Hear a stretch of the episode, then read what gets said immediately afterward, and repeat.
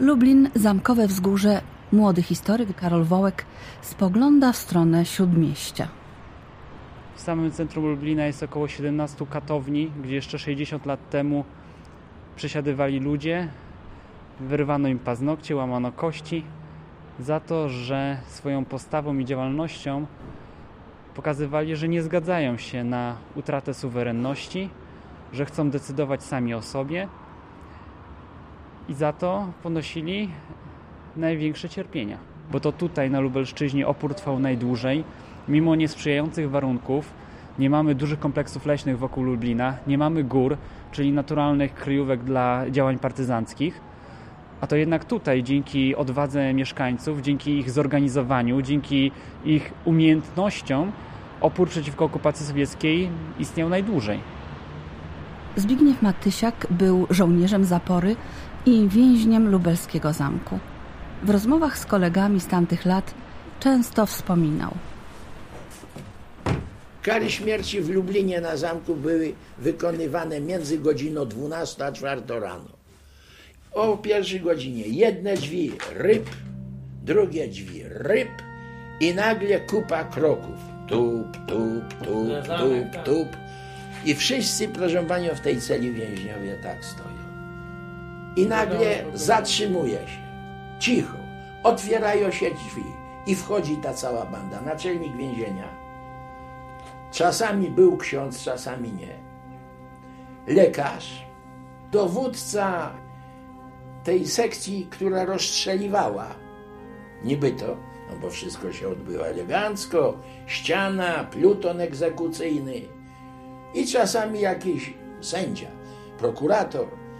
I wchodzili i stanęli i tak syny się po tych wszystkich ludziach patrzyli. I nagle nazwisko. Z nami. Zbieraj się z wszystkimi rzeczami. I tam za, za, za tym. Przed zamkiem stał budynek administracyjny, No właśnie, tak zwany. Dwupiętrowa kamienica i tam stał batalion KBW do ochrony zamku i w dół była piwnica, bo tam byłem w tej piwnicy, bo wzięli mnie do sprzątania. Ściany boczne, strzępy krwi, strzępy mózgu, strzępy wszystko. Na górze ten żołnierz był rozbierany do naga i schodź po tych schodach z dołu. I ten jeden z tyłu szedł i mu z tyłu ten szedł parę schodów niżej, strzelał mu w głowę. I ten turlaj, turlaj, turlaj spadał na dół i leżał.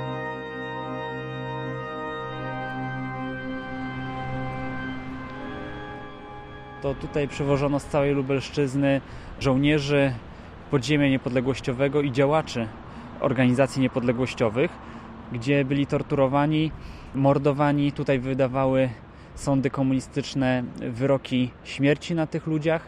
Strażnicy stali wokół zamku, nie pozwalali ludziom podejść. Wydobywały się krzyki, jęki torturowanych. Przed samą bramą klęczały kobiety, które modliły się, żeby ich synowie, którzy tam byli mordowani, wyszli żywo stąd. Jedną z takich matek była mama Krystyny Jaroszewicz z domu Paszkowskiej, która jak relikwie przechowywała rozpaczliwy list.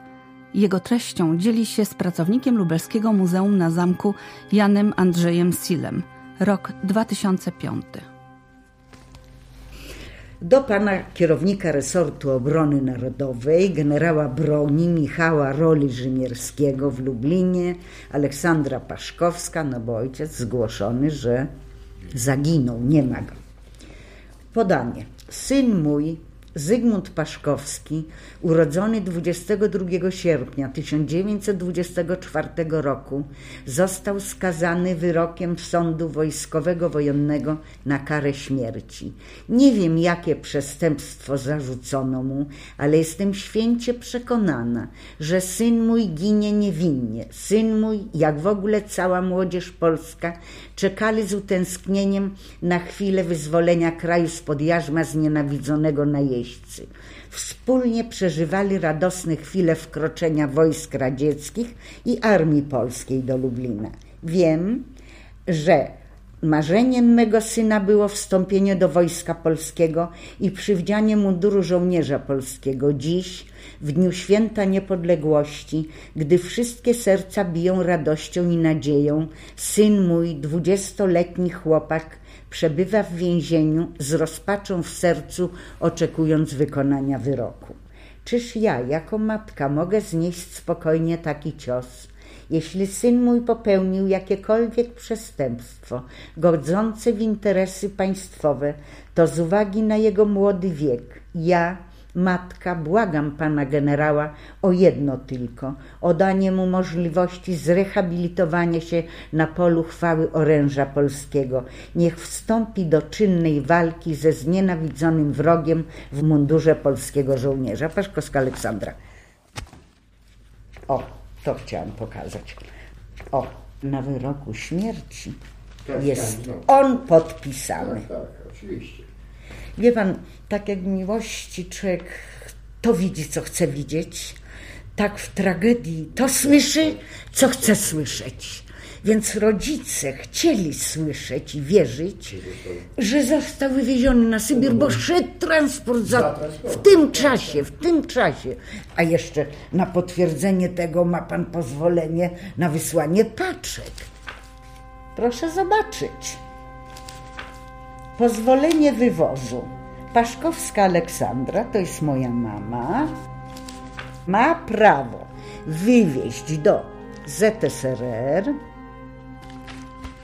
nazwa towaru żywność 6 kg słownie, jak to wszystko jest dokumentnie, trzy paczki po 2 kg.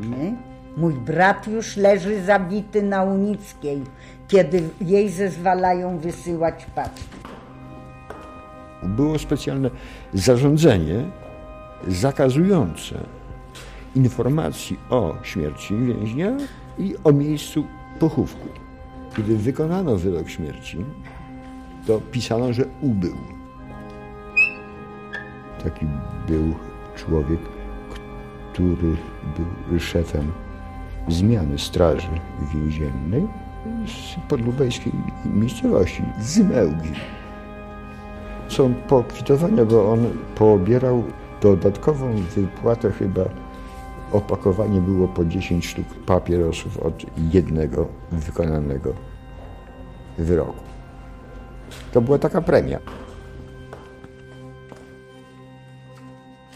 Na podstawie danych archiwalnych Muzeum Lubelskie w roku 1991 wydaje publikację, w której informuje, że w latach 1944-54 przez Centralne Więzienie Karno-Śledcze na zamku w Lublinie przeszło nie mniej niż 57 tysięcy więźniów śledczych i karnych.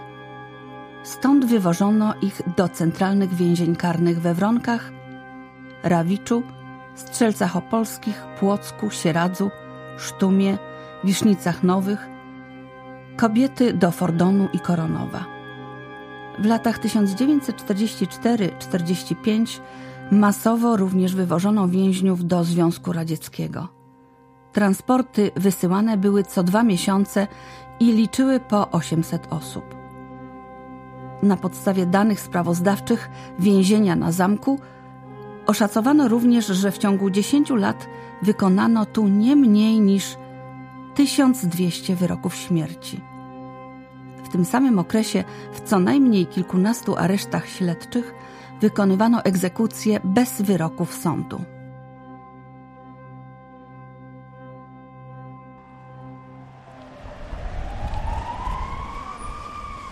Lubelska Śródmiejska ulica o nazwie Krótka. Przez aresztowanych określana jako słynna mordownia bezpieki. Karol Wołek sfotografował ją do swojego przewodnika turystycznego szlakiem żołnierzy wyklętych. To była kamienica prywatna, gdzie ludzie mieli swoje piwnice. Pierw NKWD, później ubecy dostosowali je jako miejsce tortur, a obecnie nadal pełni funkcję piwnic i tam, gdzie na ścianach są wyryte przez więźniów i torturowanych inskrypcje, są słoiki, rowery, jakieś graty, oczywiście to jest miejsce prywatne, można z tym robić cokolwiek, tylko że jeszcze nie znalazł się nikt taki, który by te wszystkie inskrypcje spisał. i upamiętnień. Z tym jest olbrzymi problem. Dzień dobry, można do salonu Tak, proszę. Korzystamy, że ktoś otwiera bramę. Wchodzimy do piwnicy. To jest powierzchnia tak na oko do 50, może 60 metrów kwadratowych, a w ciągu około 10 lat przeszło tu y, przez tę piwnicę około 2 do 3 tysięcy ludzi. Ludzie, którzy tutaj musieli spędzać noc, na komendę się przewracali z boku na bok, taki był ścisk. Były naprawdę ciężkie warunki. Umierali tutaj nie tylko z wyniku tortur, ale także chorób, których tu się nabawili. Tutaj możemy zobaczyć oryginalne drzwi z okresu z lat 40. i 50. Drzwi są drewniane z różnego typu wizjerami. Kłódki zostały zmienione na nowe i pododawane klamki w niektórych piwnicach.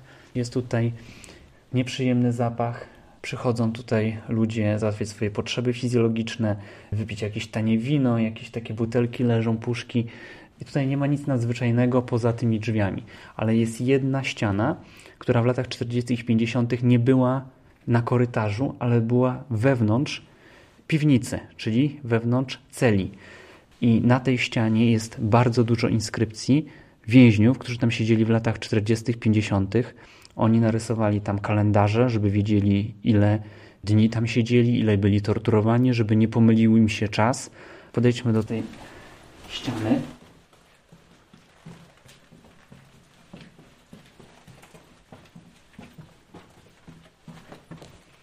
Tutaj na przykład ktoś wyrył krzyż, rok 1950 i kalendarz. Takie kalendarze są dość popularne. Kolejne, Boże, krzyż, kul na przykład, albo win, wolność i niezawisłość. Lublin, 22 września 1948 roku. Stefan i dalej zamazane. Boże, daj przetrwać. Wiele z napisów jest zniszczonych bezpowrotnie.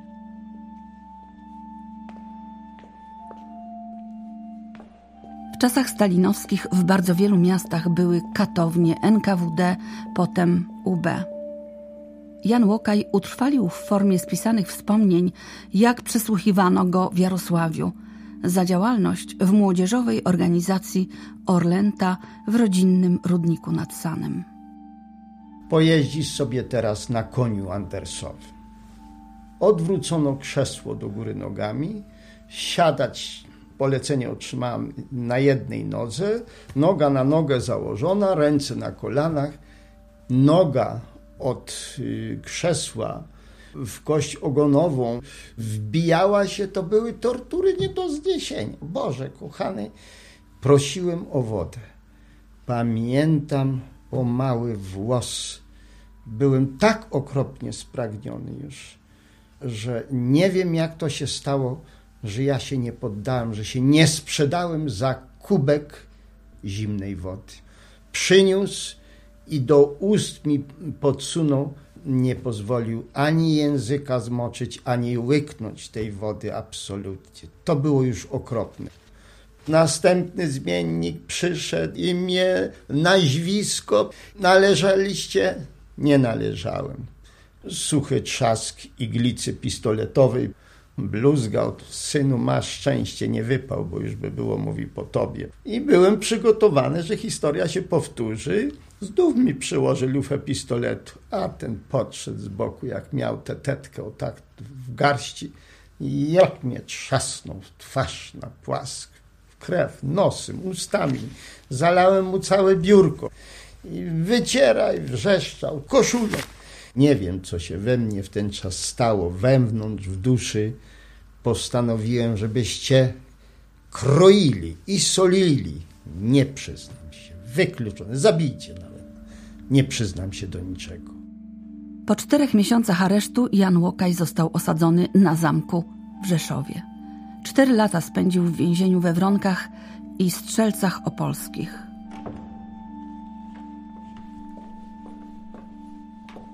Kościół Karmelitów Bosych w Lublinie. Przeor, ojciec Piotr Jackowski, prowadzi do głębokiego lochu w murach klasztoru. Właśnie idziemy w stronę tych piwnic, prawda, gdzie były te katownie, tak?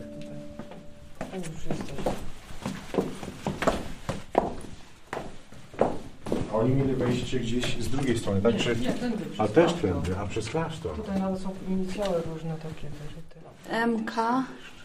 Czy ojciec Przeor tu przychodzi po te ziemniaki, buraki? Czasami tak.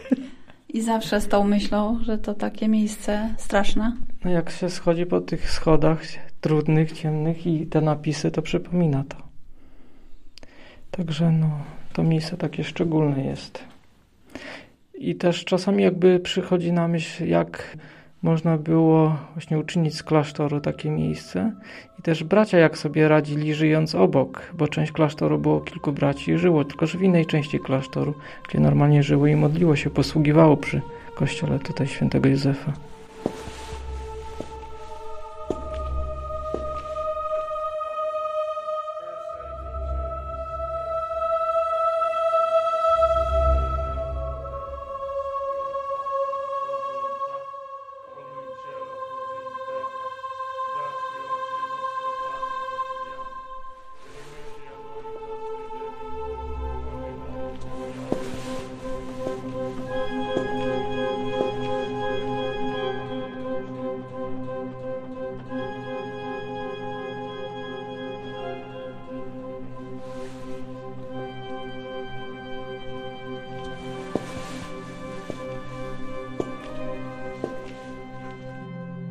Jeszcze jeden krok.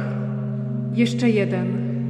Schody w dół, stopy śliskie od krwi. Jeszcze jeden krok w ciemność, w otchłań bólu i rozpaczy. Schodzę w mrok. Tam nie ma okien. Są kraty. Tam w piwnicach konają skatowani za to, że pieśni szatańskiej Stalinowi nie śpiewali. Na chłodnym murze po omacku krwią pisze swe imię. Tu byłam. Tu umarłam z miłości do Boga i Ojczyzny. Gdzieś z jasnego świata Tedeum przenika gruby mur. Ojcowie karmelici modlą się o łaskę dla sprawiedliwych, konających. Ja już nie płaczę. Jestem dzielna. Tak trzeba. Przy karmelickiej mszy Bóg zabiera nasze dusze do nieba.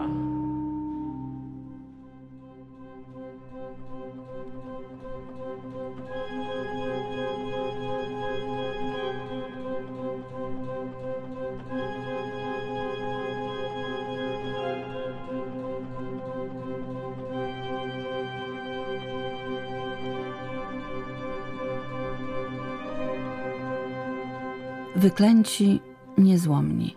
Jeśli udało im się przeżyć, zmieniali miejsce zamieszkania. Salwina Struk po wyjściu z więzienia zamieszkała w Poznaniu. Lubelskiem była łączniczką Armii Krajowej. W drugiej konspiracji w oddziale Ordona, swojego męża. Ja widziałam mego męża po śmierci, bo ja byłam aresztowana, siedziałam z pięciomiesięcznym synkiem w Chaczowie. Patrzyłam na moje dziecko, widziałam go i były chwile, że go nie widziałam i stałam. Wchodzą, mam wyjść z nimi, wyprowadzają mnie na podwórze. Stoi samochód ciężarowy. Otwierają tylną burtę samochodu, a tyle wojska, psów, tyle obstawione tej broni maszynowej. Otwierają. Ja mówiłam sobie, że mój mąż nie może zginąć, że on nie zginie. Był bosą, w spodniach wojskowych, bez koszuli. Powiedziałam, że tak, to jest mój mąż. Patrząc na tego oficera, prosto w twarz i w oczy, jedna łezka mi z oka nie spłynęła, jak mąż powiedział. Bądź godna swego imienia, nie okaż im nigdy swego tchórzostwa i swojej niepewności, bądź zawsze sobą. Tylko mu powiedziałam tyle. Mieczem wojujesz, od miecza zginiesz. Ale do niego to nie dotarło, do tego ubowca. Absolutnie. Co z nim zrobili? Gdzie go pochowali? Żadnego aktu zgonu nie dostałam. Jak wiele polskich rodzin. Dr Rafał Drabik, historyk Instytutu Pamięci Narodowej, trzyma w ręku przewodnik Szlak Pamięci Żołnierzy Wyklętych w Lublinie, do którego powstania przyczynił się. Tak naprawdę ten szlak to jest e, niczym paciorki różańca, prawda? Przechodzimy od stacji do stacji. Często nawet nie zdajemy sobie sprawy, że, że po tym łańcuszku kiedyś e, chodzili ludzie. W każdym z tych budynków ich przesłuchiwano, katowano. Do dzisiaj na tych materiałach Urzędu Bezpieczeństwa, które są przechowywane w Instytucie Pamięci Narodowej, można odnaleźć dokumenty e, pochlapane krwią tychże osób przesłuchiwanych. Myślę, że gdybyśmy weszli do tych piwnic, e, tych lochów, gdybyśmy tak mocniej te tynki pościerali, to wiele jeszcze takich napisów z tego okresu można będzie odnaleźć.